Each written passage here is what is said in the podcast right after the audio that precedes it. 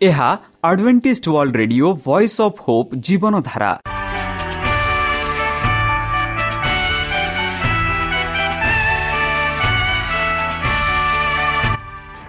Odia radio କାର୍ଯ୍ୟକ୍ରମ ଯାହା ଆମର ଆନ୍ତର୍ଜାତୀୟ ଆଘାତ କେନ୍ଦ୍ରରୁ ପ୍ରସାରଣ କରାଯାଉଛି ପ୍ରତିଦିନ ରାତି ନଅଟା ତିରିଶ ମିନିଟ୍ରେ। ମୁଁ ସୁବ୍ରତ କୁମାର ପତି ପ୍ରେମର ସହ ଆପଣମାନଙ୍କୁ ଏହି କାର୍ଯ୍ୟକ୍ରମକୁ ସ୍ୱାଗତ କରୁଅଛି। ଚାଲନ୍ତୁ ଆଜିର ତିରିଶ ମିନିଟ୍ର କାର୍ଯ୍ୟକ୍ରମ ବିଷୟରେ ଜାଣିନେବା। ପ୍ରଥମେ ରଖିଛୁ ଆଧ୍ୟାତ୍ମିକ ଭକ୍ତିମୟ ଗୀତ। ଏହାପରେ ଶୁଣିବା ସ୍ୱାସ୍ଥ୍ୟ ବିଷୟରେ ଭକ୍ତଙ୍କଠାରୁ ଜୀବନଦାୟକ ଈଶ୍ୱରଙ୍କ ବାକ୍ୟ। ପ୍ରିୟ ଶ୍ରୋତା ତାହେଲେ ଚାଲନ୍ତୁ ଶୁଣିବା ଏକ ଆଧ୍ୟାତ୍ମିକ ଭକ୍ତିମୟ ଗୀତ। ହୃଦୟରେ ନାଚି ନାଚି ଗାଉଛି ମୋ ମନ କରିଦେଲେ ଯିଶୁ ମୋର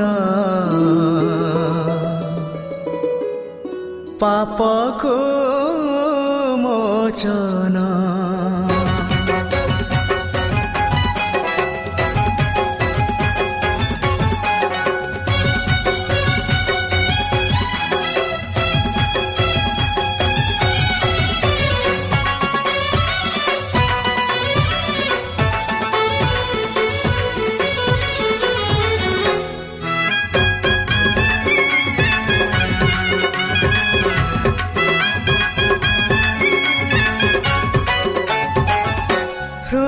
ହୃଦୟରେ ନାଚି ନାଚି ଗାଉଛି ମୋ ମନ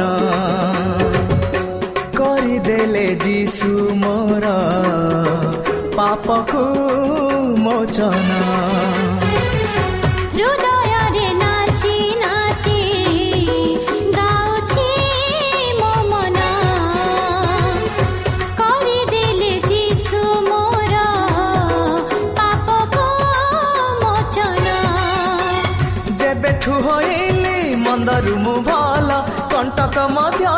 ଫୁଟିଲା ତ ଫୁଲ। କେଡ଼େ ଭାଗ୍ୟ ସତେ ମୋର ଏ ଜୀବନ।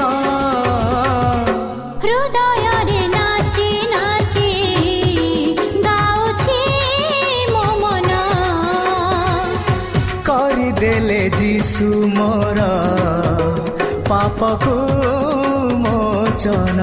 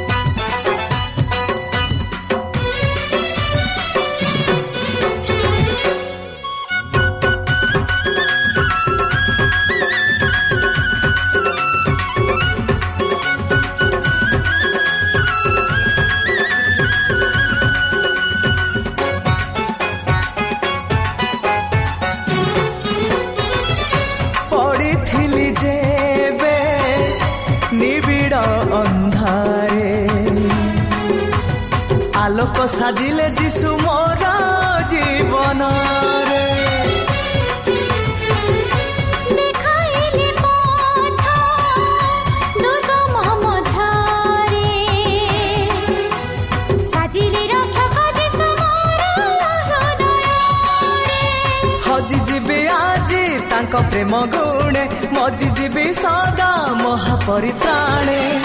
କେଡ଼େ ଭାଗ୍ୟ ସତେ ମୋର ଏ ଜୀବନ? ହୃଦୟରେ ନାଚି ନାଚି ଗାଉଛି ମୋ ମନ। ହଁ, କରିଦେଲେ ଯିଶୁ ମୋର। ପାପକୁ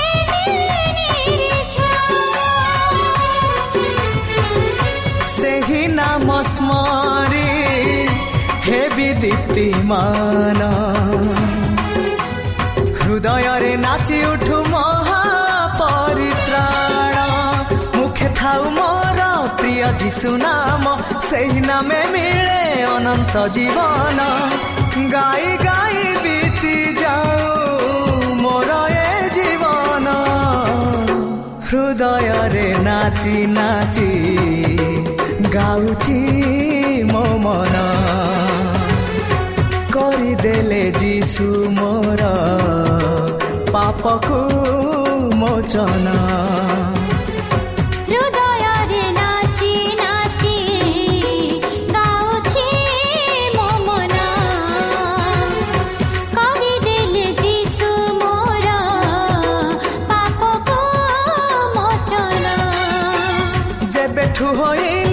ହୋଇଲି ମନ୍ଦରୁ ମୁଁ ଭଲ କଣ୍ଟକ ମଧ୍ୟରେ ଫୁଟିଲା ତ ଫୁଲ କେଡ଼େ ଭାଗ୍ୟ ସତେ ମୋର ଏ ଜୀବନ ହୃଦୟରେ ନାଚି ନାଚି ଗାଉଛି ମୋ ମନ କରିଦେଲେ ଯୀଶୁ ମୋର ଆମ ଠିକଣା Adventist media centre SDA mission compound Salisbury park Pune ଚାରି ଏକ ଏକ ଶୂନ ତିନି ସାତ ମହାରାଷ୍ଟ୍ର ବା ଖୋଲନ୍ତୁ ଆମର ୱେବସାଇଟ୍ ଯେକୌଣସି android phone smartphone desktop laptop କିମ୍ବା ଟ୍ୟାବ୍ଲେଟ୍ ଆମର website W W W dot A W R dot O R G slash O R I ଏବଂ W W W dot Adventist media centre India dot O R G ବର୍ତ୍ତମାନ ଚାଲନ୍ତୁ ଶୁଣିବା ଈଶ୍ୱରଙ୍କ ଭକ୍ତଙ୍କଠାରୁ ଈଶ୍ୱରଙ୍କ ଜୀବନଦାୟକ ବାକ୍ୟ। ବ୍ୟବସ୍ଥା ଏବଂ ସୁସମାଚାର ଭାଗ ଦୁଇ। ନମସ୍କାର ପ୍ରିୟ ଶ୍ରୋତା। ସେହି ସର୍ବଶକ୍ତି ସର୍ବଜ୍ଞାନୀ ପ୍ରେମର ସାଗର ଦୟାମୟ ଅନ୍ତର୍ଜମୀ ଅନୁଗ୍ରହ ପରମ ପିତାଙ୍କ ମଧୁର ନାମରେ ମୁଁ ପାଷ୍ଟ ପୂର୍ଣ୍ଣଚନ୍ଦ୍ର ଆଉ ଥରେ ଆପଣମାନଙ୍କୁ ଏହି କାର୍ଯ୍ୟକ୍ରମରେ ସ୍ୱାଗତ କରୁଅଛି। ସେହି ସର୍ବଶକ୍ତି ପରମେଶ୍ୱର ଆପଣମାନଙ୍କୁ ଆଶୀର୍ବାଦ କରନ୍ତୁ। ଆପଣଙ୍କୁ ସମସ୍ତ ପ୍ରକାର ଦୁଃଖ କଷ୍ଟ ବାଧା କ୍ଲେଶ ଓ ରୋଗରୁ ଦୂରେଇ ରଖନ୍ତୁ। ଶତ୍ରୁ ସୟତାନ ହସ୍ତରୁ ସେ ଆପଣଙ୍କୁ ସୁରକ୍ଷାରେ ରଖନ୍ତୁ। ତାହାଙ୍କ ପ୍ରେମ ତାହାଙ୍କ ସ୍ନେହ ତାହାଙ୍କ କୃପା ତାହାଙ୍କ ଅନୁଗ୍ରହ ସଦାସର୍ବଦା ଆପଣଙ୍କଠାରେ ସହବର୍ତ୍ତୀ ରହୁ। ପ୍ରିୟସତା ଚାଲନ୍ତୁ ଆଜି ଆମ୍ଭେମାନେ କିଛି ସମୟ ପବିତ୍ର ଶାସ୍ତ୍ର ବାଇବଲଠୁ ତାହାଙ୍କ ଜୀବନଦାୟକ ବାକ୍ୟ ଧ୍ୟାନ କରିବା। ଆଜିର ଆଲୋଚନା ହେଉଛି ବ୍ୟବସ୍ଥା ଏବଂ ସୁସମାଚାର। ବନ୍ଧୁ ଗତକାଲି ଆମେ ଏହାର ଭାଗ ଏକ ଆରମ୍ଭ କରିଥିଲୁ। ବ୍ୟବସ୍ଥା ଏବଂ ସୁସମାଚାର। ଚାଲନ୍ତୁ ଏହାର ଶେଷ ଭାଗ ଆଜି ଆମେ ଆଲୋଚନା କରିବା।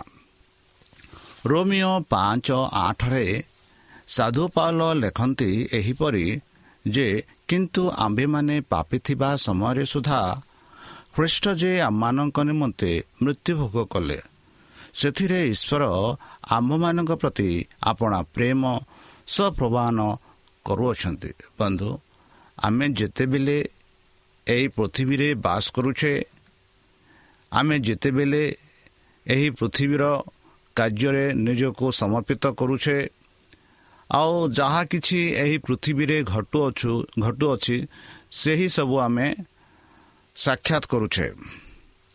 ଆଉ ସେହି ମଧ୍ୟରେ ମଧ୍ୟ ଆମେ ପାପ ଜୀବନରେ ବିତାଉଅଛୁ। ଆଉ ସାଧୁ ପାଲ ଆମମାନଙ୍କୁ ସ୍ପଷ୍ଟ ରୂପେ କହୁଅଛନ୍ତି ଆମେ ପାପି ଥିବା ସମୟରେ ସୁଦ୍ଧା ଖ୍ରୀଷ୍ଟ ଯେ ଆମମାନଙ୍କ ନିମନ୍ତେ ମୃତ୍ୟୁ ଭୋଗ କଲେ ହଁ ବନ୍ଧୁ ଆମେ ପାପି ଥିବା ସମୟରେ ଆଉ ପାପି ସମୟରେ ଖ୍ରୀଷ୍ଟ ଆମମାନଙ୍କ ନିମନ୍ତେ ମୃତ୍ୟୁ ଭୋଗ କଲେ ଯେପରିକି ତାହାଙ୍କ ମୃତ୍ୟୁ ଦ୍ୱାରା ଆମେ ଅନନ୍ତ ଜୀବନ ପ୍ରାପ୍ତ କରିପାରିବୁ। ଏକ ତାହାଙ୍କ ମୃତ୍ୟୁ ଦ୍ୱାରା ଆପଣା ପ୍ରେମ ସପ୍ରମାଣ ଆମମାନଙ୍କୁ କରୁଅଛନ୍ତି ବୋଲି ପବିତ୍ର ଶାସ୍ତ୍ର ବାଇବଲମାନଙ୍କୁ କହୁଅଛି। ଆଉ ଥରେ ସାଧୁପାଲ ଲେଖନ୍ତି ରୋମିଓ ଦୁଇ ଆଠ ନଅରେ ସେ କହନ୍ତି କିନ୍ତୁ ଯେଉଁମାନେ ସ୍ୱାର୍ଥପର ପୁଣି ସତ୍ୟର ଅନାଜ୍ଞା ବହ ମାତ୍ର ଅଧାର୍ମିକତାର ଅନାଜ୍ଞା ବହ ସେମାନଙ୍କ ପ୍ରତି କ୍ରୋଧ ଓ କୋପ ଗଠିବ ପ୍ରଥମରେ ଜୁହୁଦୀ ଓ ମଧ୍ୟ ଗ୍ରୀକ୍ ପ୍ରତ୍ୟେକ ଦୁଷ୍କର୍ମିକାରୀ ଲୋକଙ୍କ ପ୍ରାଣ ଉପରେ କ୍ଲେଶ ଓ ସଙ୍କଟ ଘଟିବ।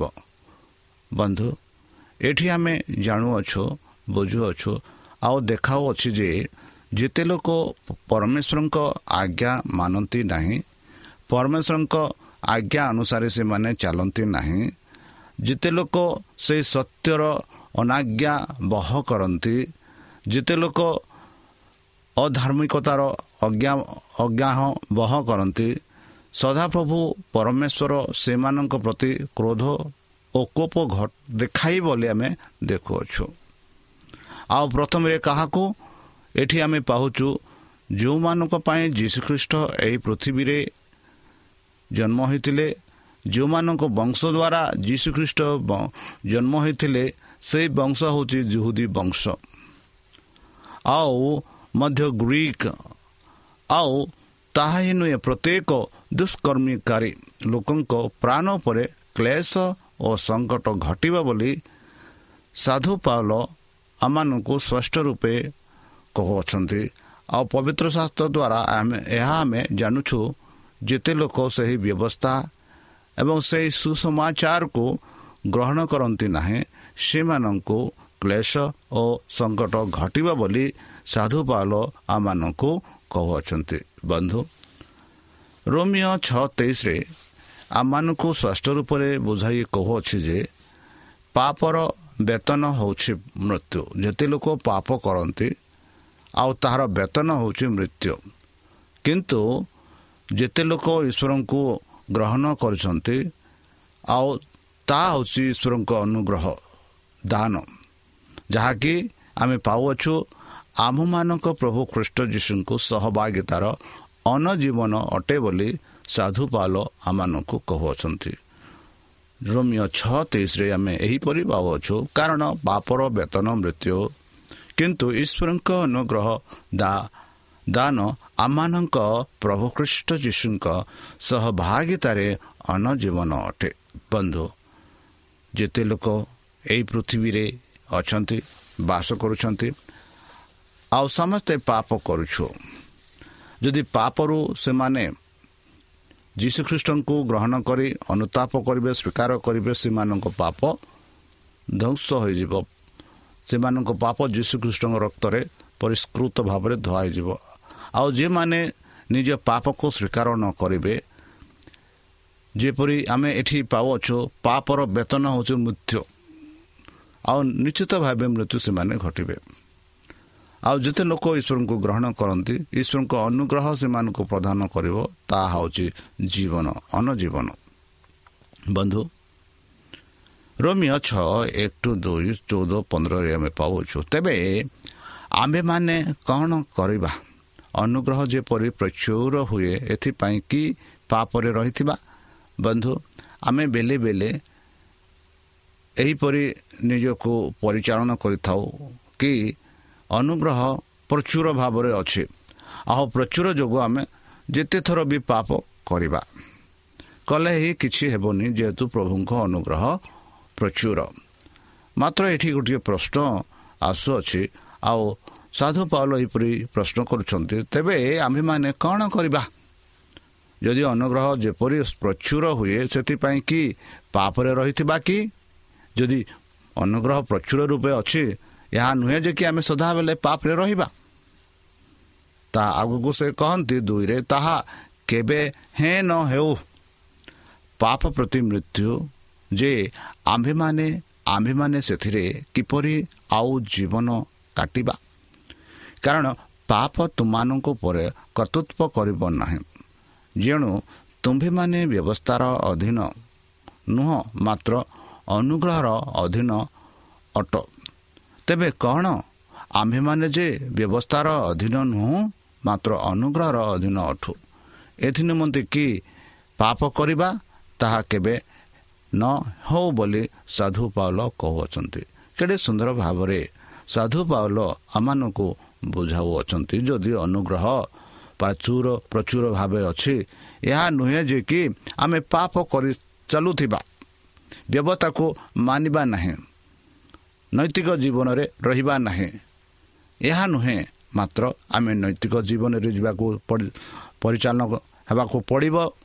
ପାପ ନ କରିବାକୁ ହେବ।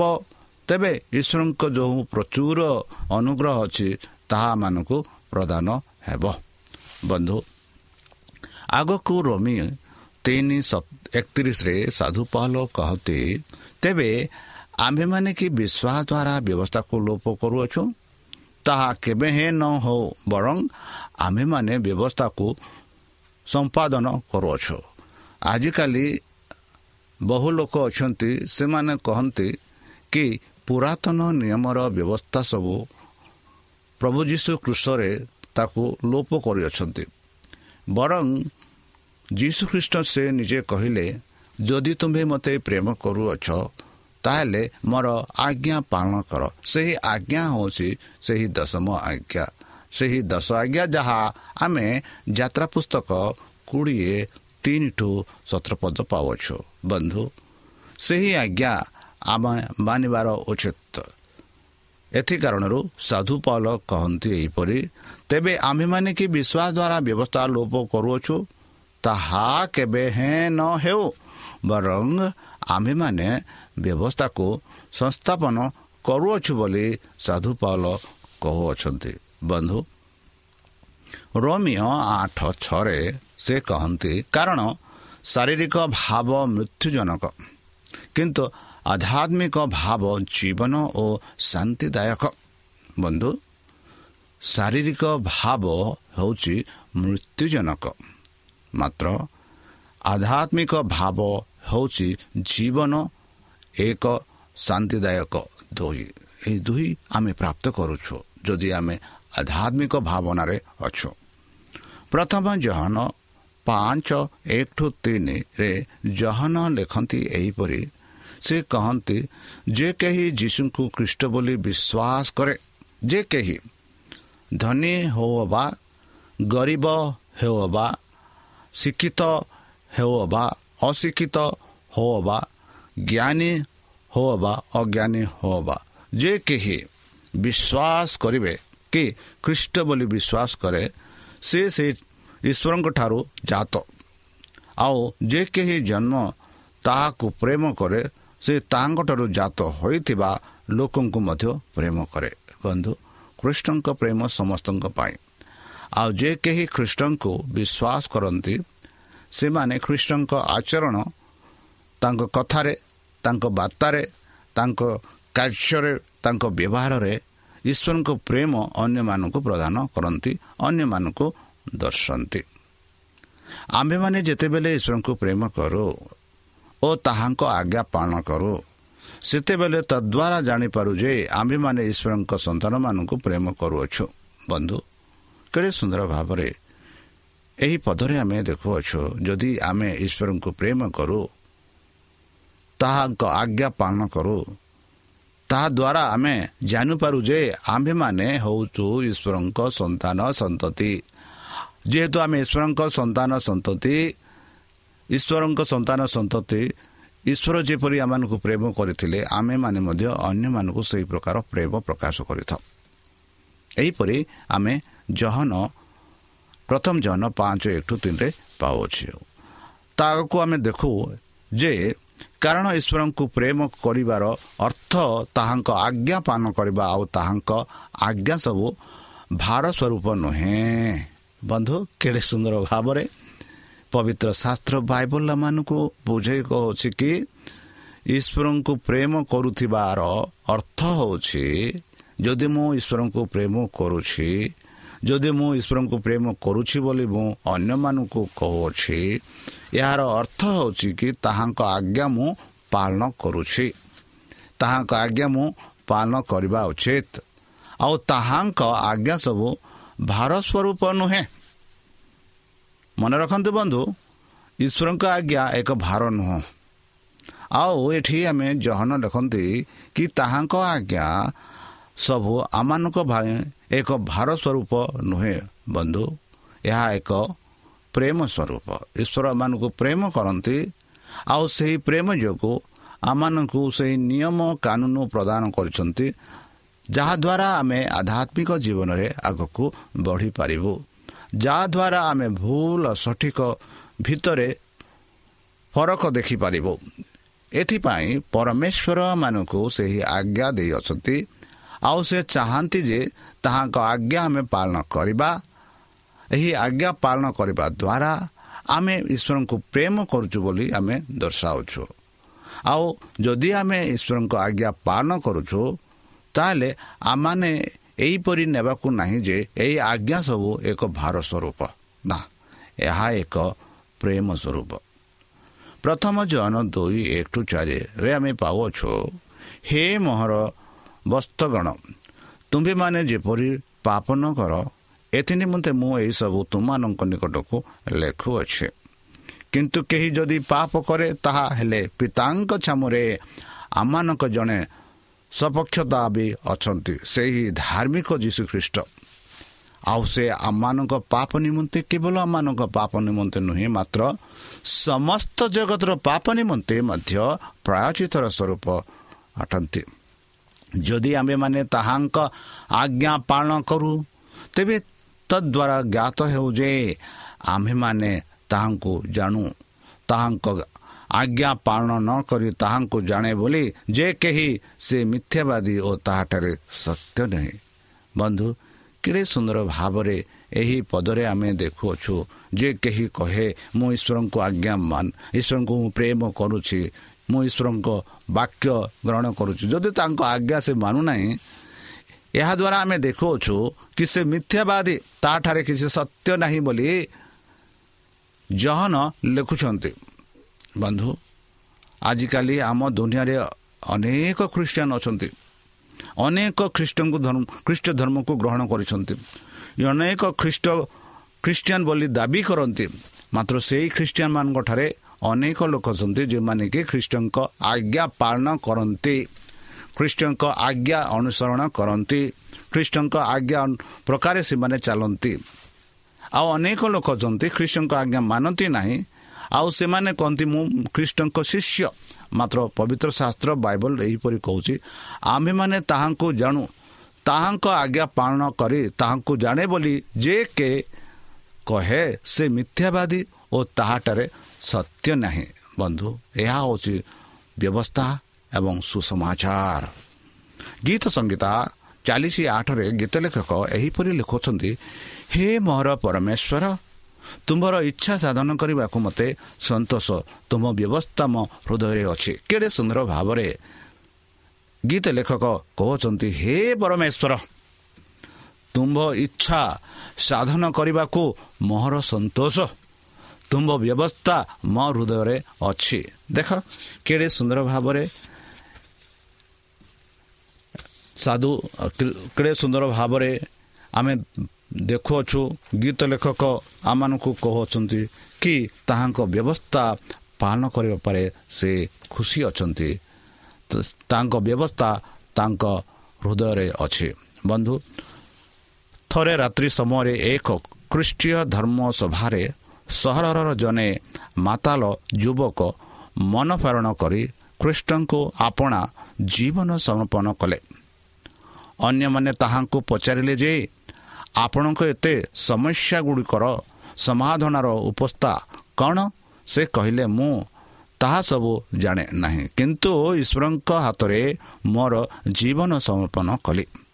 ବନ୍ଧୁ ତାହାଙ୍କର ଏପରି ପ୍ରଶ୍ନ ନଥିଲା ଯେ ମୁଁ ଖ୍ରୀଷ୍ଟିଆନ ହେବା ନିମନ୍ତେ କେତେ ଦୂର ଆତ୍ମା ସମର୍ପଣ କରିବା ପ୍ରୟୋଜନ। କିନ୍ତୁ ଏହା ସତ୍ୟ ଯେ ଖ୍ରୀଷ୍ଟ ମୋ ଲାଗି ସର୍ବସ୍ଥ ଦାନ କରିଅଛନ୍ତି। ତେବେ ମୁଁ ତାଙ୍କ ସକାଶେ କ'ଣ ଦାନ କରିପାରେ? ଆପଣ ଏହି ବ୍ୟକ୍ତିର ଜୀବନର ଆତ୍ମା ସମର୍ପଣର ଚିତ୍ରରେ ଦେଖିପାରିବେ ଯେ ଖ୍ରୀଷ୍ଟ ଏହି ବ୍ୟକ୍ତିର ସର୍ବସ୍ୱ ଅଧିକାର କରି ଅଛନ୍ତି ସେ ପ୍ରଭୁଙ୍କ ଡାକକୁ ପୂର୍ଣ୍ଣ ମାତ୍ରାରେ ସମର୍ଥନ କରିଅଛନ୍ତି। ଯୀଶୁ କହନ୍ତି କେହି ଯେବେ ମୋର ଅନୁଗାମୀ ହେବାକୁ ଇଚ୍ଛା କରେ ତେବେ ସେ ଆପଣାକୁ ଅସ୍ୱୀକାର କରୁ। ପୁଣି ପ୍ରତିଦିନ ଆପଣା କୃଷ ତୋଳି ମୋହର ଅନୁଗମନ କରୁ। ଏହିପରି ଆମେ ପାଉଅଛୁ ଲୁକ ନ ତେଇଶରେ। ବନ୍ଧୁ ଯଦି ଆପଣ ଖ୍ରୀଷ୍ଟଙ୍କୁ ଗ୍ରହଣ କରିନାହାନ୍ତି ଆଜି ଆମ୍ଭେମାନେ ଆପଣଙ୍କୁ ନିମନ୍ତ୍ରଣ କରୁଅଛୁ। ଖ୍ରୀଷ୍ଟଙ୍କ ନିଜର ବ୍ୟକ୍ତିଗତ ତ୍ରାଣକର୍ତ୍ତା ରୂପରେ ଗ୍ରହଣ କରନ୍ତୁ। ଈଶ୍ୱରଙ୍କ ବ୍ୟବସ୍ଥା ସହ ଆପଣ ଜୀବନକୁ ତୁଳନା କରନ୍ତୁ। ଏବଂ ଆପଣ ଜାଣିବେ ଆପଣ ଜାଣିବେ ଯେ ସେ ଆପଣ ଜଣେ ପାପି। ବାଇବଲରୁ ଶିକ୍ଷା କରନ୍ତୁ ଯେ ପାପର ପରିବର୍ତ୍ତନ ମୃତ୍ୟୁ ଅଟେ। ପାପରୁ ଶୁଦ୍ଧ ହେବା ଓ ପରିତ୍ରାଣ ପାଇବାର ଏକମାତ୍ର ଆଶା କେବଳ ପୃଷ୍ଠ ଓ ତାହାଙ୍କ ମୃତ୍ୟୁରେ ସନ୍ନିବେଶିତ ହେବା। ଏହା ବୁଝନ୍ତୁ। ତାପରେ ବିଶ୍ୱାସରେ ନତନାକୁ ହୋଇ କୃଷ ନିକଟରେ ପ୍ରାର୍ଥନା କରନ୍ତୁ ଏବଂ ଆପଣଙ୍କ ପାପ ତାହାଙ୍କ ବହନ କରିବାକୁ ଦିଅନ୍ତୁ। ବନ୍ଧୁ ଉଠନ୍ତୁ ଏବଂ ତାହାଙ୍କ ନିମନ୍ତେ ଜୀବନ ସ୍ଥାପନ କରିବାକୁ ଅଗ୍ରସର ହୁଅନ୍ତୁ। ଆପଣଙ୍କ ଆତ୍ମାର ସୁଖ ଶାନ୍ତି ନିମନ୍ତେ ଏହା କେବଳ ଏକମାତ୍ର ପନ୍ଥା। ତାହେଲେ ବନ୍ଧୁ ଚାଲନ୍ତୁ। ସେହି ଯୀଶୁଖ୍ରୀଷ୍ଟ ଯିଏକି ଆମ୍ଭମାନଙ୍କ ପାଇଁ ଜୀବନ ଦାନ ଥିଲେ ତାହାଙ୍କ ପାଇଁ ତାଙ୍କ ଠାରେ ଆମେ ନିଜକୁ ସମର୍ପଣ କରି। ତାହାଙ୍କ ମଧୁର ନାମରେ ଆମେ ପ୍ରାର୍ଥନା ଓ ଉତ୍ସର୍ଗ କରିବା। ହେ ଆମ୍ଭମାନଙ୍କ ସର୍ବଶକ୍ତି ସର୍ବଜ୍ଞାନୀ ପ୍ରେମର ସାଗର ଦୟାମୟ ଅନ୍ତର୍ଜମୀ ଅନୁଗ୍ରହ ପରମ ପିତା ଧନ୍ୟବାଦ ଅର୍ପଣ କରୁଛୁ ପ୍ରଭୁ ବର୍ତ୍ତମାନ ଯେଉଁ ବାକ୍ୟ ତୁମ ଭକ୍ତମାନଙ୍କୁ ଶୁଣାଇଲେ ସେହି ବାକ୍ୟ ଅନୁସାରେ ଏମାନଙ୍କୁ ଚାଲିବା ପାଇଁ ବୁଦ୍ଧିରେ ଜ୍ଞାନରେ ଶକ୍ତିରେ ପରିପୂର୍ଣ୍ଣ କର। ଆମ ପାପ ସବୁ ତୁମ ସେହି ବହୁମୂଲ୍ୟ ରକ୍ତରେ ପରିଷ୍କାର ରୂପେ ଧୋଇ ଦିଅ। ଆଉ ପରିଶେଷ ଯେବେ ତୁମେ ତୁମ ସେହି ସହସ୍ର ଦୂତଙ୍କ ସହ ଆସିବେ ଆପଣା ସାଧୁମାନଙ୍କୁ ସଂଗ୍ରହ କରିବା ନିମନ୍ତେ ସେତେବେଳେ ଆମମାନଙ୍କୁ ଏକ ବାସସ୍ଥାନ ଦିଅ ବୋଲି ତ୍ରାଣକର୍ତ୍ତା ପ୍ରଭୁ ଯୀଶୁଙ୍କ ମଧୁରମୟ ନାମରେ ଏହି ଛୋଟ ବିକ୍ଷମ ଅଛୁ ଶୁଣି ଗ୍ରହଣ କର। ଆମେନ୍।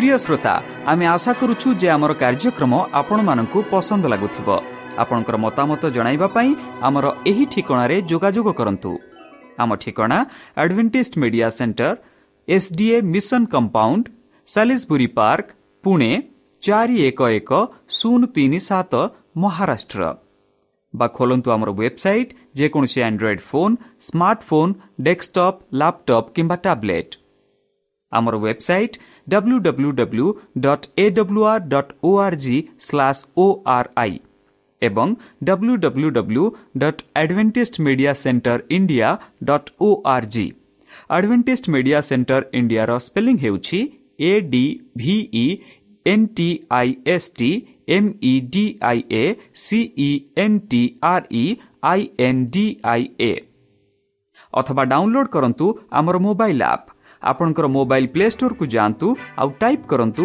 ଦ ଭଏସ୍ ଅଫ୍ ହୋପ୍ ଆଉ ଡାଉନଲୋଡ୍ କରନ୍ତୁ। ଈଶ୍ୱର ଆପଣଙ୍କୁ ଆଶୀର୍ବାଦ କରନ୍ତୁ। ଧନ୍ୟବାଦ।